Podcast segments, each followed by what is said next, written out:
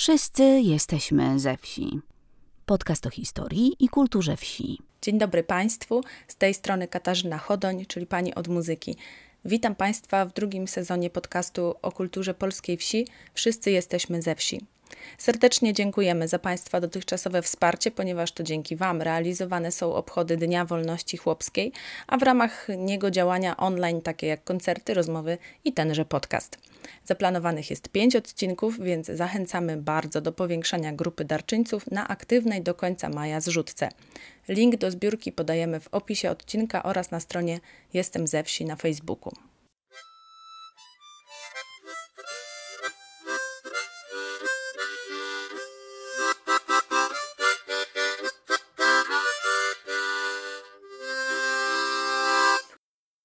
Natomiast teraz zapraszam na odcinek poświęcony tematowi wolności chłopskiej w pieśniach. Mówi się, że każda pieśń ludowa jest o miłości i to zazwyczaj miłości między Jasiem i Marysią. Gdyby jednak wnikliwiej zagłębić się w ich sens, otrzyma się obraz społeczeństwa i stosunków nie tylko między kochankami, ale także w rodzinie, w społeczności oraz tych, które nas dzisiaj interesują, czyli obraz stosunków międzyklasowych. Są jednak pieśni, w których nie mamy wątpliwości, że mówią o uciśnieniu chłopów, pańszczyźnie, rabacji oraz o tym, co było dalej. I wydaje się, że w porównaniu z ilością dum o wojnach, ballad czy hagiografii jest to najmniej znana grupa pieśni. Jeśli chodzi o pieśni polskie, trudno by było nie sięgnąć do monumentalnego dzieła Oskara Kolberga, który spisywał je właśnie w okresie najgorętszych ruchów związanych z uwłaszczeniem chłopów. W suplemencie do krakowskiego w tomie 73 wyczytać możemy, że to właśnie wydarzenie spotęgowało potrzebę zbierania informacji o kulturze ludowej. Z jednej strony może pomogło to w zdobywaniu funduszy na wydawanie zbiorów pieśni, ale też z drugiej strony nie zapominajmy, że zbieraczami były osoby uczone, często powiązane z dworami. Mitem jest zbieracz wędrujący od wsi do wsi, podpierający się kosturem i odwiedzający gościnne chaty wiejskie. Chłopi w połowie XIX wieku byli nieufni, bojaźliwi i często łapali takich włóczęgów, po czym odstawiali do powiatu jako misariuszów nowego rządu. Zacytuję tu fragment opisujący także inny problem. Na inne źródło trudności napotykanych przy zapisywaniu pieśni w terenie skarżył się w tym samym czasie Antoni Wojkowski, poznański literat, który w czasie wycieczki w okolicach Krakowa prosił towarzyszących mu chłopów o zaśpiewanie paru piosenek. Jego rozmówcy długo się jednak wzbraniali, tłumacząc: Nam nie wolno śpiewać, wielmożny panie. Pan komisarz zakazał, bo wielu z nas śpiewało piosenki takie, co tu ich nie wolno śpiewać. Od tego czasu każdy chłopak ze wsi dostaje 20 batów, gdy śpiewa. Do tego wszystkiego dochodzi też kwestia cenzury, którą Kolberg stosował w wydanych tomach. Dajmy przykład rubaszności przyśpiewek. Czytamy o niej jedynie w charakterystyce ludzi, czy tego w jaki sposób się bawili i tańczyli. Natomiast nie znajdziemy takiego obrazu bezpośrednio w przytaczanych przykładach przyśpiewek i pieśniach. Co dopiero jeśli chodzi o krwawy temat rabacji chłopskiej. Natomiast już kilkadziesiąt lat później Julian Przyboś w przedmowie do antologii polskiej pieśni ludowej Jabłoneczka pisze – Wybierając najpiękniejsze pieśni z każdego regionu, zwracałem szczególną uwagę na ich wymowę ideologiczną. Z pieśni ludowej wydziera się potężny krzyk buntu. Dosłuchać się w niej można niestłumionych przez bat pański głosów gniewu i zemsty. Wielu dawnych zbieraczy szlacheckich nie kwapiło się do zapisywania buntowniczych pieśni, ale dość ich utrwalono, ażeby świadczyły o poczuciu klasowym chłopstwa. Rzadsze, ale również prawie wszystkie o mocnej wymowie ideowej i artystycznej są pieśni o nędzy i niedoli. W surowych obrazach ukazują one srogą, dole bandosa, ciężki los sługi u pana i nędzę bezrolnego, biednego chłopa. Jest z nami Piotr Wawrzkiewicz, badacz, kolekcjoner starych druków, pieśniarz i lirnik, związany ze Stowarzyszeniem Muzyka Dawna w Jarosławiu, projektem prowadzonym wraz z żoną Natalią Pieśni za grosze oraz zespołem śpiewaczym Suplikanci z Jarosławia.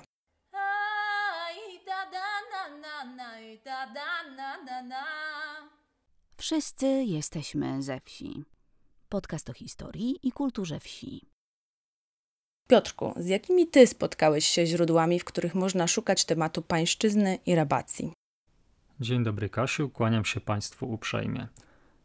Choć rzeczywiście ostatnimi czasy publikacji dotyczących pańszczyzny i rabacji galicyjskiej przybywa niemalże wykładniczo. Ja, jako badacz pieśni, poszukiwacz, e, człowiek, który analizuje ich teksty, sięgam do źródeł starszych. Mówiąc o pańszczyźnie i rabacji, warto zajrzeć przede wszystkim do antologii autorstwa Stanisława Czernika oraz Juliana Przybosia pod tytułem Wzięli diabli pana. Antologia poezji walczącej o postęp i wyzwolenie społeczne 1543-1953. Wydane przez Ludową Spółdzielnię Wydawniczą w roku 1955. Oczywiście, sięgając do tych źródeł, należy mieć w pamięci, że powstały jako efekt pewnych czasów i pewnej narracji, która była autorom odgórnie narzucona, dlatego są w pewnym sensie tendencyjne. Niemniej znaleźć tam można pieśni nie tylko opisujące y, niedolę chłopską z punktu widzenia XIX i wczesno-dwudziestowiecznych literatów, ale również z perspektywy samych chłopów. W tym tomie znajdujemy rozdział zatytułowany Bezimienna pieśń ludowa, a w nich zbiór przyśpiewek mówiących o pańszczyźnie, na przykład Pójdźmy do dom, panie gospodarzu, boć nie wiemy, co na pańskie każą. Każą orać albo kołów ciesać, a mój Boże, kogóż ja mam posłać. A mam ci ja tę małą dziecinę, odrobi mi tę dużą pańszczynę. Albo Oj, wygnał nas pan wygnał, wszystkich chłopów ze wsi wygnał i stodoły powywracał i służącym nie wypłacał. Oj, dobrześ parchu zrobił, będziesz sam na siebie robił. Lub Ojże inodana, wszystko rób na pana, a na mnie nie ma kto, muszę robić sama. Rozróżniamy tutaj dwa nurty pieśni. Pierwsze to pieśni narzekające na chłopską niedolę. Drugi nurt to złorzeczące państwu. Oj dana, oj dana, da wzięli diabli pana, oj wzięli go do piekła i tak nam dusza uciekła. Oj karbowym orać, da ekonomem włóczyć, oj poczekaj ekonomię, da będziemy się uczyć. Przyszło nam pisanie od Wiednia i Koszyc, że będą panowie sami łąki kosić. Polana, polana, nie jednego pana polany skosili, pana obwiesili. O szerszym kontekście rabacji galicyjskiej, która można powiedzieć śmiało była główną przyczyną zniesienia pańszczyzny, można przeczytać więcej w książce pod tytułem Jakub Szela, pięć prac o Jakubie Szeli. Przygotował to i do druku wydał wraz ze wstępem Czesław Wycech w 1956 roku nakładem Ludowej Współdzielni Wydawniczej. Prace przedstawione w tej książce ukazują szerszy kontekst e, wybuchu rabacji galicyjskiej, nie tylko z perspektywy ówczesnych źródeł historycznych, ale również z perspektywy samej biografii Jakuba Szeli. Autor książki pisze: Historia powstania chłopskiego w Galicji w 1846 roku została świadomie zafałszowana zarówno przez historyków szlacheckich, jak i austriackich i przystosowana do ich własnych celów politycznych. Oba wskazane źródła ukazują nam podejście do pańszczyzny z perspektywy inteligenckiej, to znaczy wykształceni poeci piszą o niedoli chłopów obserwując ich nierzadko naocznie. Natomiast jeśli poszukać głębiej, trafiamy na źródła pochodzące od samych chłopów. Niestety, polskich źródeł literaturowych y, do, mówiących o pieśniach jest tutaj bardzo niewiele, ale wystarczy sięgnąć tuż za miedzę do źródeł ukraińskich, aby znaleźć ich znacznie więcej. Y, w wydawnictwie Lirnickie Pisni z Policja materiały do wywczenia lirnickiej tradycji autorstwa Oleksego y, Oszurkiewicza zawierają pieśni lirnickie z repertuaru Iwana Własiuka, nazywanego ostatnim lirnikiem Wołynia. Pieśń ta zawiera w sobie dalekie echa okresu rabacji galicyjskiej. Co prawda Wołyń leżał na terenie zaboru rosyjskiego, ale pieśni wędrujące wraz z dziadami przetrwały tam żywo do połowy XX wieku, kiedy to zostały zarejestrowane. Pieśń zaczyna się od słów czy pamiętacie dobrze ludzie, jak nam przyszło żyć? Czy święto, czy nie święto trzeba było robić? Choć słowa pieśni wprost mówią o złych Polakach, którzy dla ukraińskich chłopów byli panami, to cały tekst odnosić można wprost do pańszczyzny. W tekście słyszymy w niedzielę bardzo wcześnie w cerkwi dzwony dzwonią, a karbowi na pańszczyznę gonią. Idzie ojciec z cepem, a syn z kosą, idzie matka rządź żyto razem z córką. Jak przyjechał pan na pole, zaczął liczyć snopy, narzeka na bogatych, każe bić biednych. Tekst pieśni podsumowuje wręcz żartobliwie stosunek chłopów do swojego pana. Jeden pan, jeden pan, a dwóch karbowych, osiemnastu polnych, a jeden poddany. Druga część pieśni opowiada już wprost o rabacji. W tekście możemy przeczytać, że przyleciała kukułka i zaczyna śpiewać we wsi: Zbierajcie się dobrze ludzie, mam wam coś do powiedzenia. Nie będziecie dobrze ludzie odrabiać pańszczyzny.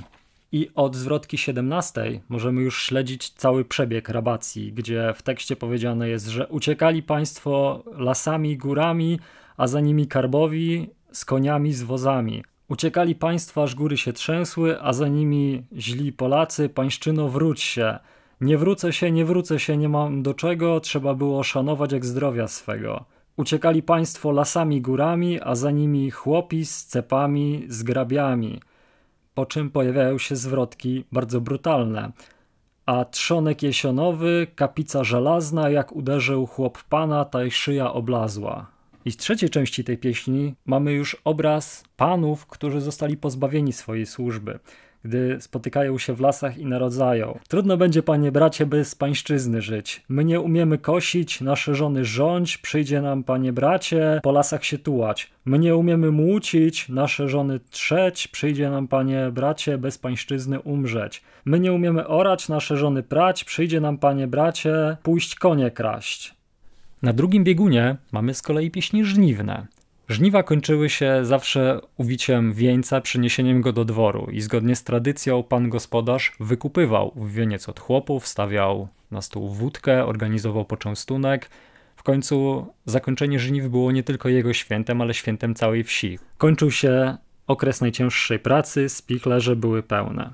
Zygmunt Gloger w roku polskim w życiu tradycji pieśni pisze o pieśniach dożynkowych że złożone były z oddzielnych luźnych zwrotek, mających wspólny charakter na szerokim obszarze kraju.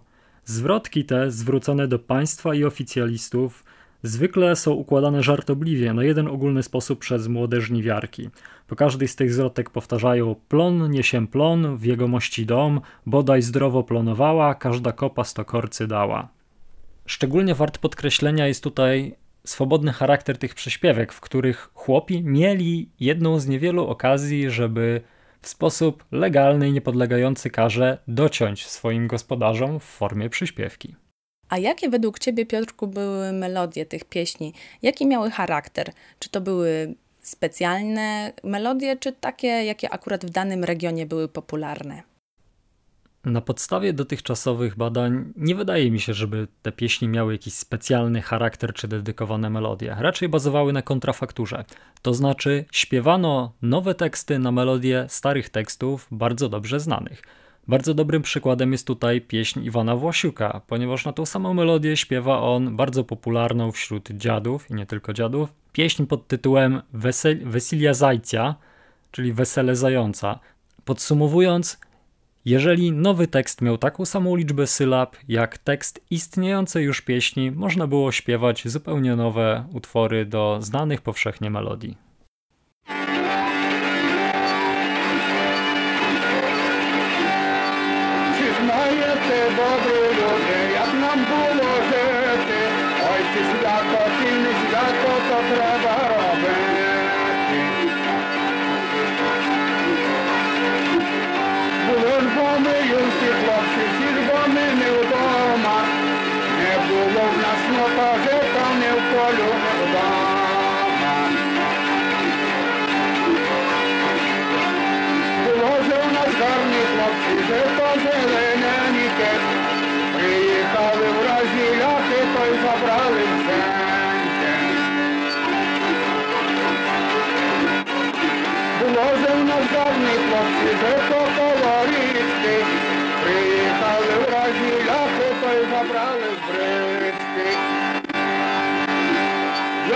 se autopan ja ulatus kombinaate.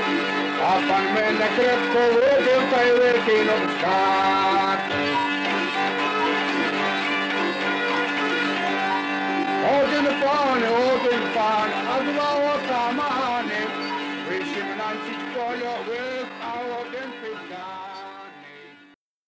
Wyjaśnię słuchaczom, że był to krótki fragment nagrania zrobionego pod koniec lat 60. zeszłego stulecia. Może stąd taka jakość, bo utwór grany jest na trudnej do zarejestrowania lirze korbowej. Y, cały trwa ponad 7 minut, czyli właściwie dla dawnych pieśni, które były swego rodzaju opowieściami, liczącymi nawet kilkadziesiąt zwrotek. A w treści rzeczywiście wysłyszeć można było to, o czym wspominałeś w pierwszej wypowiedzi. Wróćmy jednak do naszej rozmowy. Czy warto pamiętać treści przekazywane w tych pieśniach? Już w XVI wieku zapoczątkowany został gatunek literacki ułatwiający zapamiętywanie chronologii dziejów Polski, a kontynuowany m.in. przez Jana Żuka Skarszewskiego w tzw. Tak krakowiakach mnemotechnicznych e, z 1869 roku, a wśród których zresztą jest i zwrotka o powstaniu lutowym, czyli rabacji galicyjskiej. I brzmi ona tak. Los powstania lutowego najtwardszego wzruszy, lud tych, co zań głowę dają, tępi wśród katuszy. Naród, który nie zna swojej historii, jest skazany na jej powtarzanie. Pieśni te, jakkolwiek nieliczne, opisują nam pewną sytuację społeczną oddolnie. Biorąc pod uwagę tę niewielką ilość relacji oddolnych, chłopskich, które posiadamy, tym bardziej powinniśmy pamiętać o trudnych czasach pańszczyzny. Nie jest tak, że wraz ze zniesieniem pańszczyzny skończyła się bieda i ciężka praca. Wręcz przeciwnie. Chłopi musieli zacząć samodzielnie dbać o swój dobytek i wyżywienie, zwłaszcza w ciężkich czasach przednówku. Sto lat później Wojciech Pilch śpiewa w przyśpiewce Oj, powiadają ludzie, że we słonnem dobrze, a w słonnem trzeba pracować, aż się skóra podrze.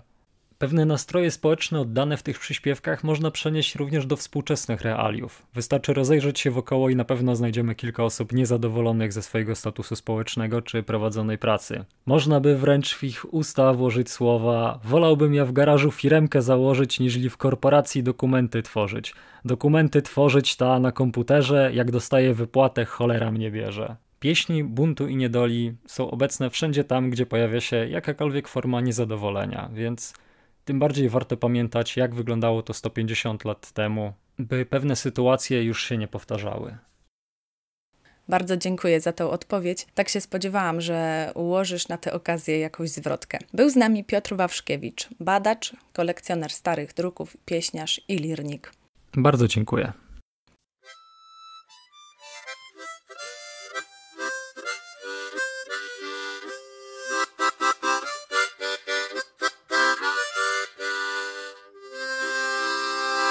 Państwu zaś dziękuję za uwagę.